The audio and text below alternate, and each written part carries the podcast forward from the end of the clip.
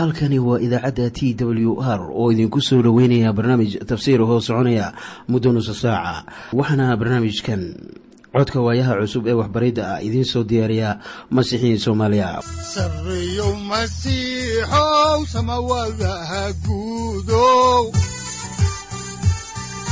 Siraadkii adduunkow subanaha eebow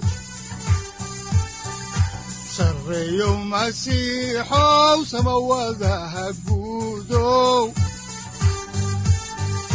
siraadkii adduunkow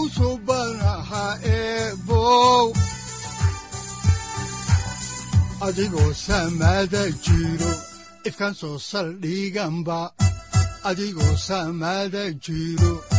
soo saldhiganba kutubtiisanaye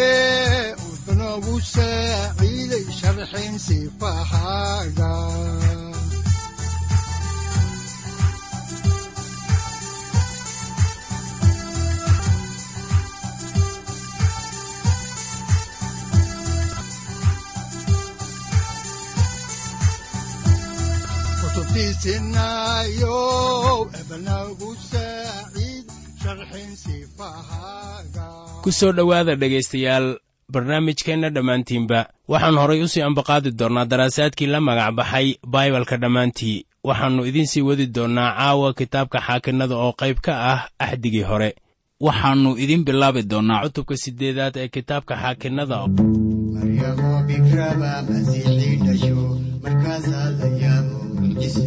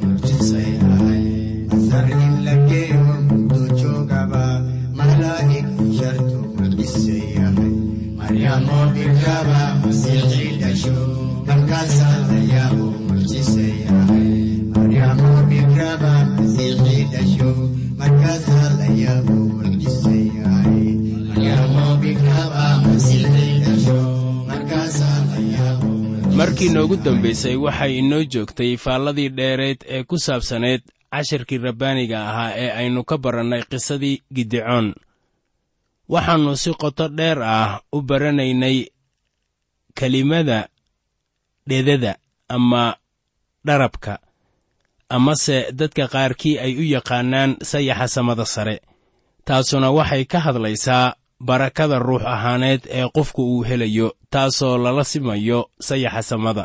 Markaana rabbigu sidaas ayuu dadka u barakadeeyaa. Waxaan u baahannahay in gacantiisu ay ina taabato waana taabashada barakada leh. Waxaan u baahannahay inay barakadaasu noqoto sida sayaxa samada oo ku dul hooray ubaxyada iyo cooska wakhtiga subaxnimada waxaan u baahannahay taabashadaasi diiran kitaabkii hosheeca cutubka afar iyo tobanaad aayadda shanaad ayaa inoo sheegaya in ubaxyadu ay jilicsan yihiin. Sayidkeennuna wuxuu inoo dul imaanayaa sida roob subaxnimada ku hooray cawska iyo ubaxyada. Weliba markii aynu mashquulsan nahay oo dembiyadeenna aawadood aynu dhacno ayuu sida roobka oo kale inoogu imaanayaa. Sayidkeenna wuxuu u ooyey yeruusaalem laakiin miyaan innaga la calool xumaannaa dembiyada daashaday dadka.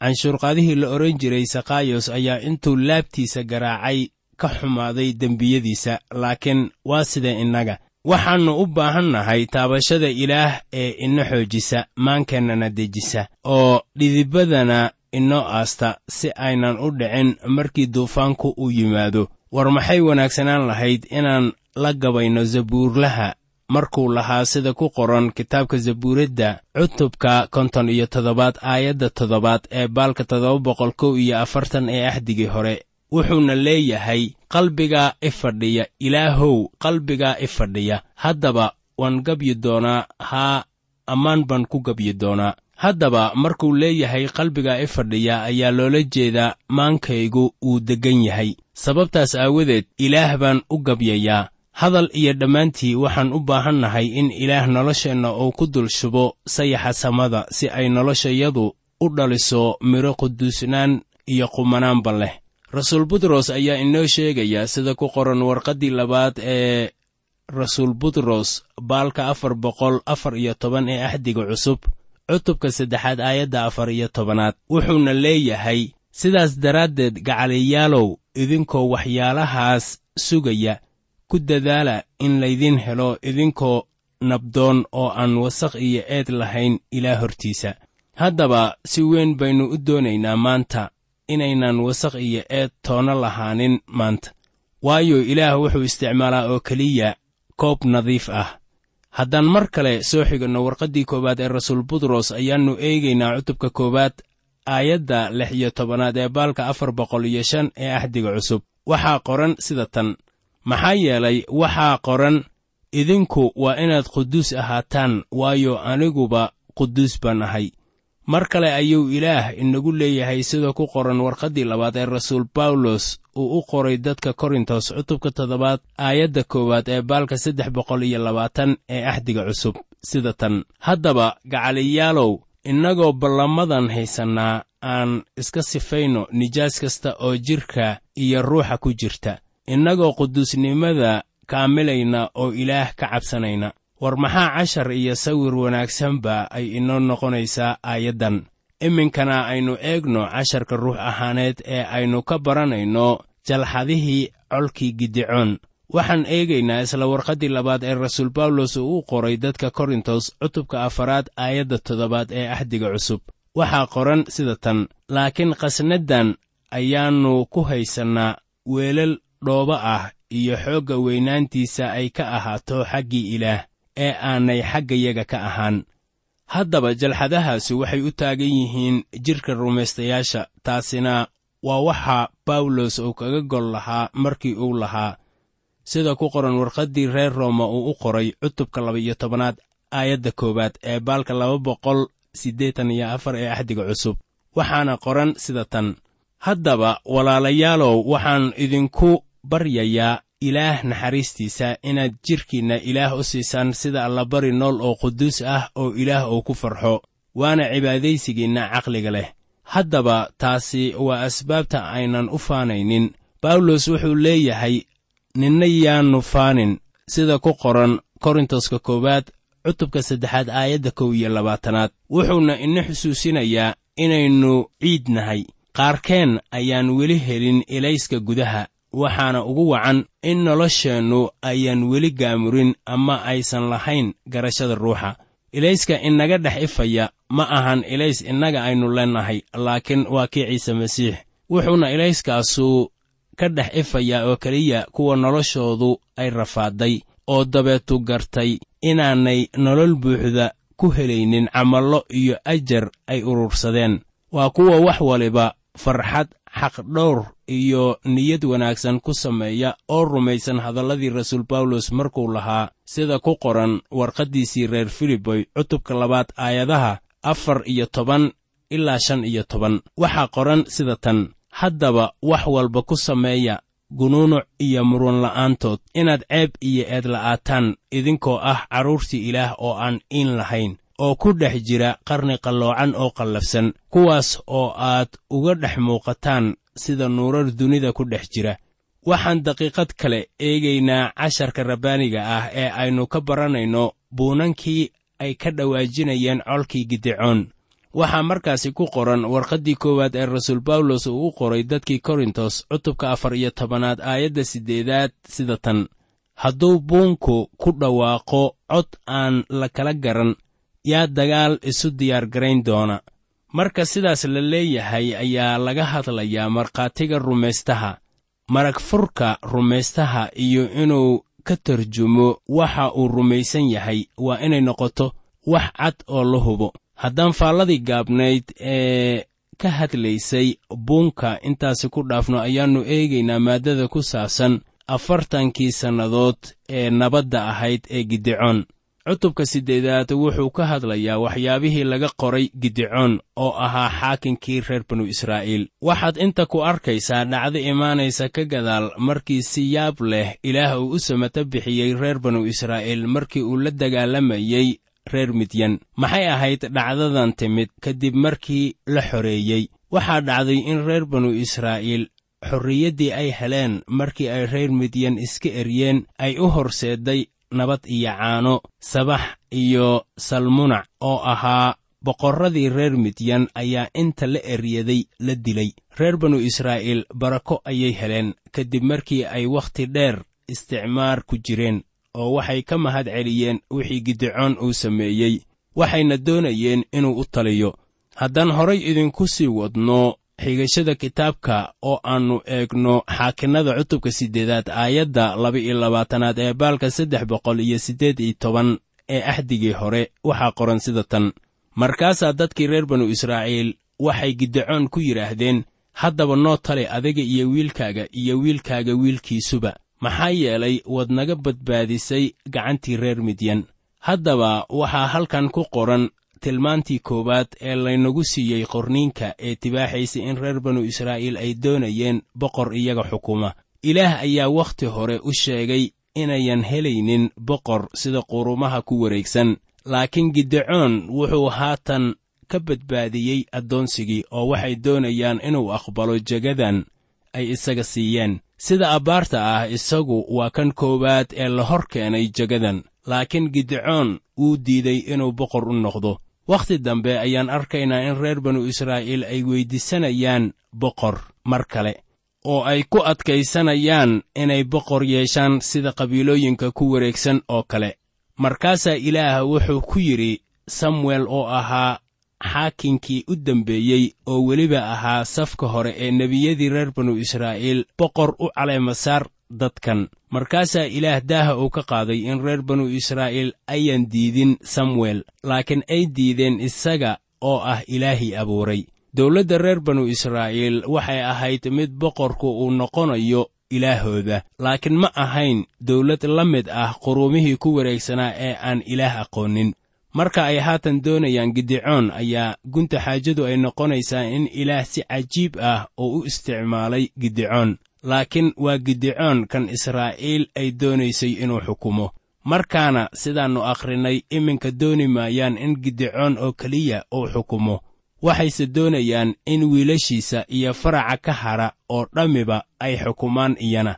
Waxaana taasu ay ka dhigan tahay inay doonayaan boqor sida quruumaha iyaga ku wareegsan oo kale.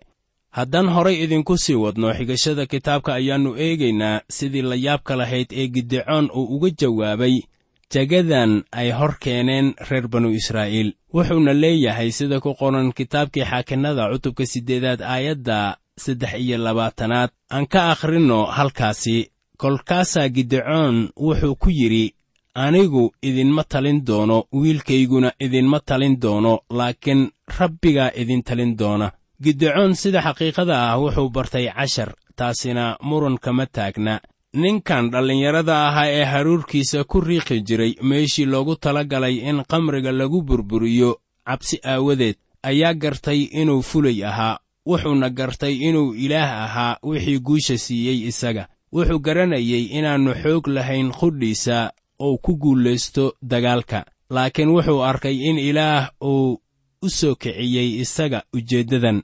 Gidcoon wuxuu hubaal ahaan ahaa qof macno leh waxaa lagu sheegay cibraaniyada cutubka kow iyo tobanaad oo waxaa lagu soo daray raggii rumaysadka lahaa ee ilaah ka cabsan jiray. Bilxaqiiqa wuxuu ahaa kan ugu horreeya markii cutubkaasi lagu qoray halyeeyadii mu'miniinta ahaa. Wuxuu xitaa ka horreeyey nebi daa'uud marka la eego halka magaciisa uu ku qoran yahay. Haddaan idiin aqrino warqaddii loo qoray cibraaniyada cutubka kow iyo tobanaad aayadaha laba iyo soddon ilaa afar iyo soddon ee baalka saddex boqol sagaashan iyo afar ee axdiga cusub waxaa qoran sida tan oo maxaan kale oon idhaahdaa waayo wakhtigu waa igu gaabnaan doonaa haddaan wax ka sheegi lahaa gidicoon iyo baaraaq iyo samson iyo yeftaah iyo daa'uud iyo samuel iyo nebiyadii rumaysad bay kaga adkaadeen boqortooyooyin oo xaqnimo ayay ku sameeyeen oo ballamo ku heleen oo afafka libaaxyada ku xidheen oo xooggii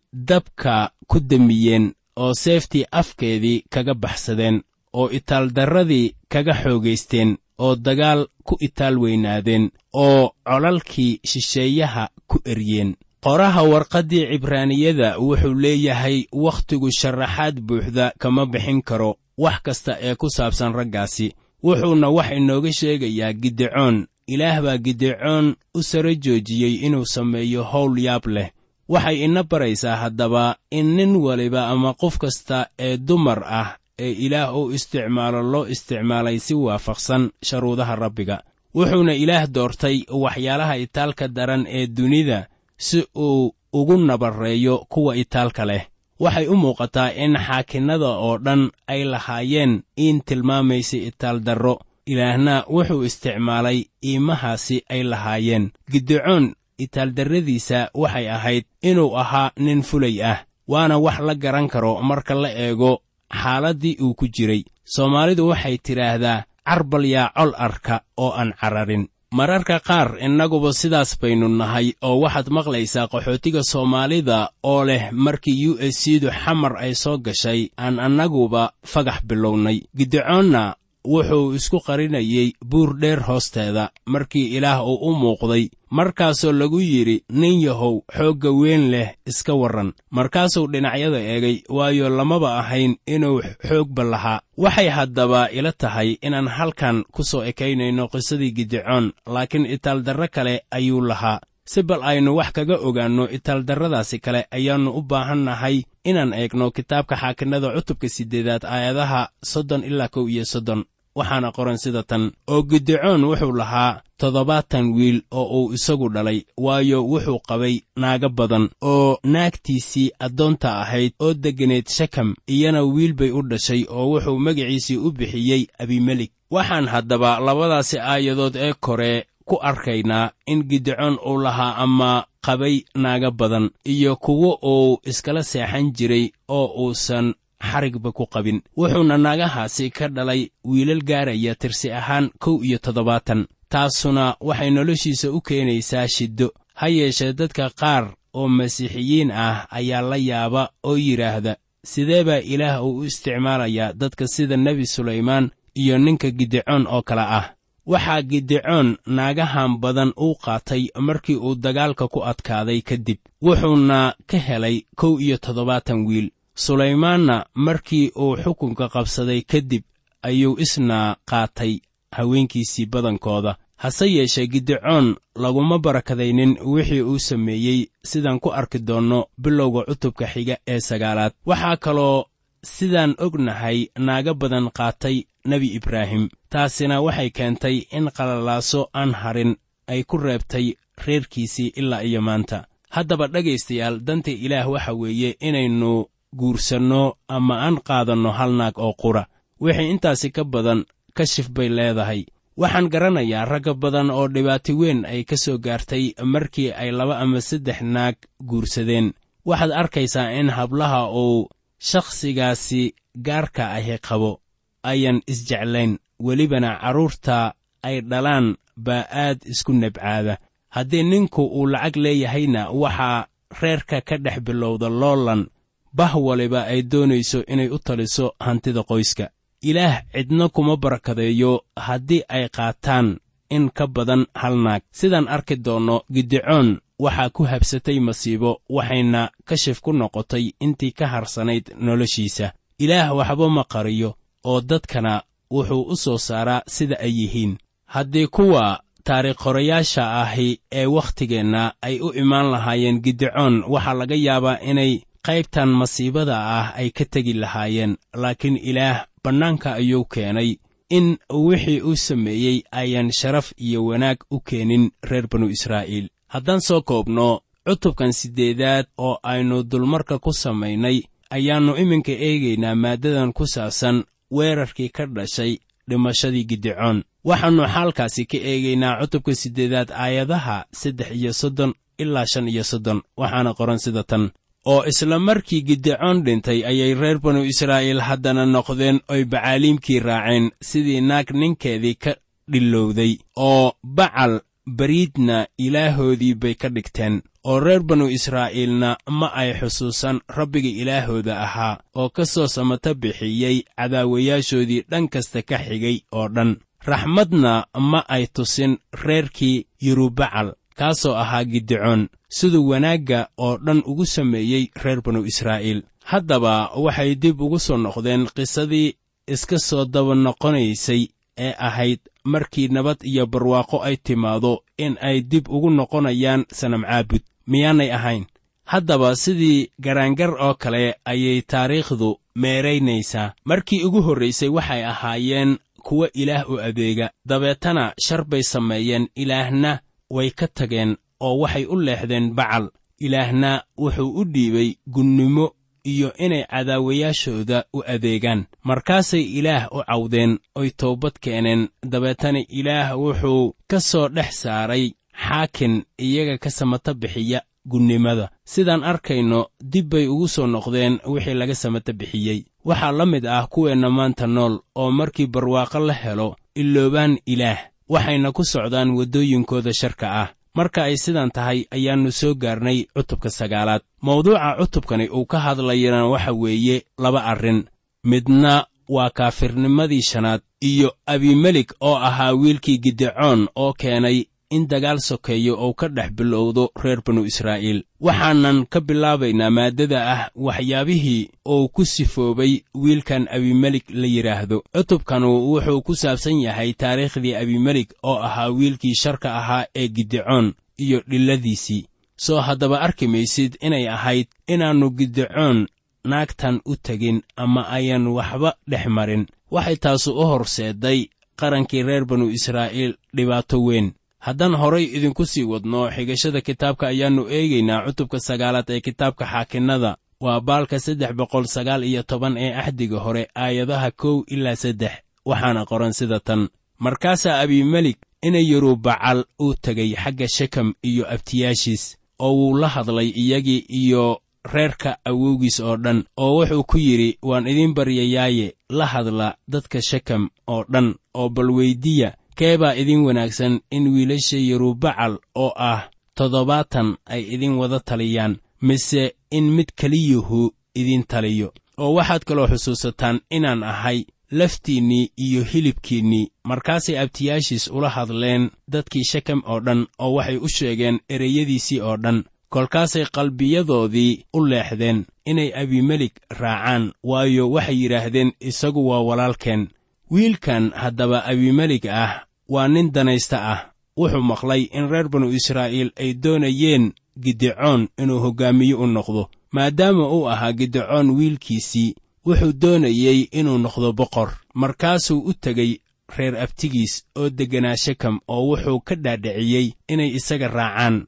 Haddaan horay idinku sii wadno xigashada kitaabka oo aan eegno kitaabka xaakinnada cutubka sagaalaad aayadda shanaad ayaa waxaa qoran sida tan markaasaa reerkii aabbihiis uu ugu tegay cofraah oo wuxuu isku dhagax dushiis ku laayey walaalihiis ilmo yerubacal oo ahaa toddobaatan qof. Laakiinse gurudambayskii yerubacal oo ahaa yotam ayaa hadhay waayo wuu dhuuntay. Hubaal abimelik wuxuu ahaa nin shar leh oo xaasid ah wuxuuna sameeyey. Sidaan arkayno wax naxdin leh qaar ka mid ah musaafuriinta baibalka ayaa waxay leeyihiin abimelik wuxuu ahaa xaakin waayo saddex sannadood buu xukumayey reer banu israa'iil. Laakiin nin kale oo ka mid ah mufasiriinta waaweyn ayaa leh isna xukunkii la boobay ee abimelik oo ahaa manaxe cadow ah ayaa lagu tilmaami karin inuu ahaa xaakin dhab ah. Wuxuu si aan naxariis lahayn u dilay toddobaatan wiil oo walaalihiis ah markaasuu isboqray xukunkiisii lagu fashilmay ayaa muujinaya saxiixnimada hadalladii daniyel oo ahaa nebi. Wuxuuna yidhi daniyel sida ku qoran kitaabka isaga loogu magacdaray cutubka afaraad aayadda toddoba-iyo tobanaad ee baalka kun boqol afar iyo toban ee axdigii hore sida tan. Xukunkii waxaa amray kuwa wax dhowra xaalkuna wuxuu ku jiraa hadalkaas kuwa quduuska ah. Sababtu waa in waxa noolu ay ogaadaan in kan ugu sarreeya uu u taliyo boqortooyada dadka oo uu siiyo ku alla kii uu doonayo oo uu madax uga dhigo kan dadka ugu hooseeya. Waxaan ku soo koobaynaa ilaah baa markan abimelik oo ahaa kii dadka ugu hooseeyey u doortay inuu reer banu israa'iil u taliyo. Waxa sabab u ah waxa weeye in dadku xitaa ay ahaayeen kuwa aad u hooseeya. Sidaan aragnayba miyaanay haddaba inoo caddayn in dadka reer banu israa'iil oo wakhtigaasi asaga ah ilaah ka leexday ay u qalmaan inuu xukumo nin aan ilaah aqoonin. Waxaa taasuna ay keentay in markii dambe dagaal sokeeya uu ka bilowdo qarankii dhexdiisa waayo waxaa dadka ku jiray kuwo badan oo aan dabcan doonaynin ama jeclayn xukunkii abimelik haddaan caawa intaasi ku ekayna qisada ayay habeenka xiga halkeedii ka sii socon doontaa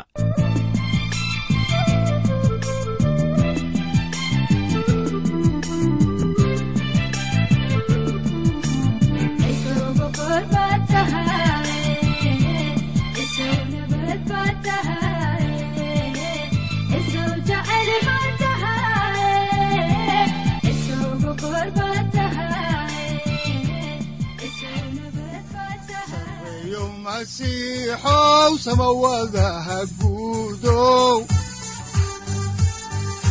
siraadkii adduunkow subanaha eebow adigoo samada jiro ifkan soo saldhiganba adigoo samada jiro ifkan soo saldhiganba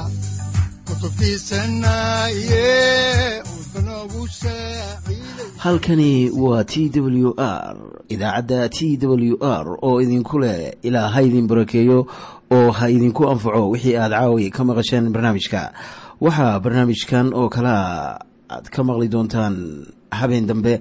Hadahan oo kale haddiise aad doonaysaan in aad fikirkiina ka dhiibataan wixii aad caawi maqasheen ayaad nagala soo xiriiri kartaan som t w r at t w r c o k e haddii aad doonaysaan in aad dejiisataan oo kaydsataan barnaamijka ama aad mar kale dhegaysataan fadlan mar kale booqo www t w r o r g amase www t t b t w r o r g.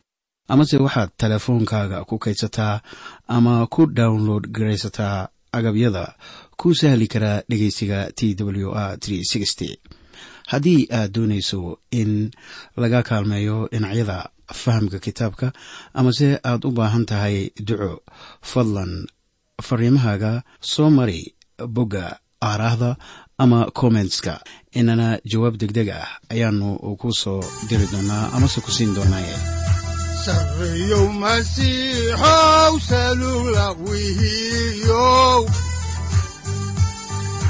saacadda timid dhulka sabada ku dhalatiyo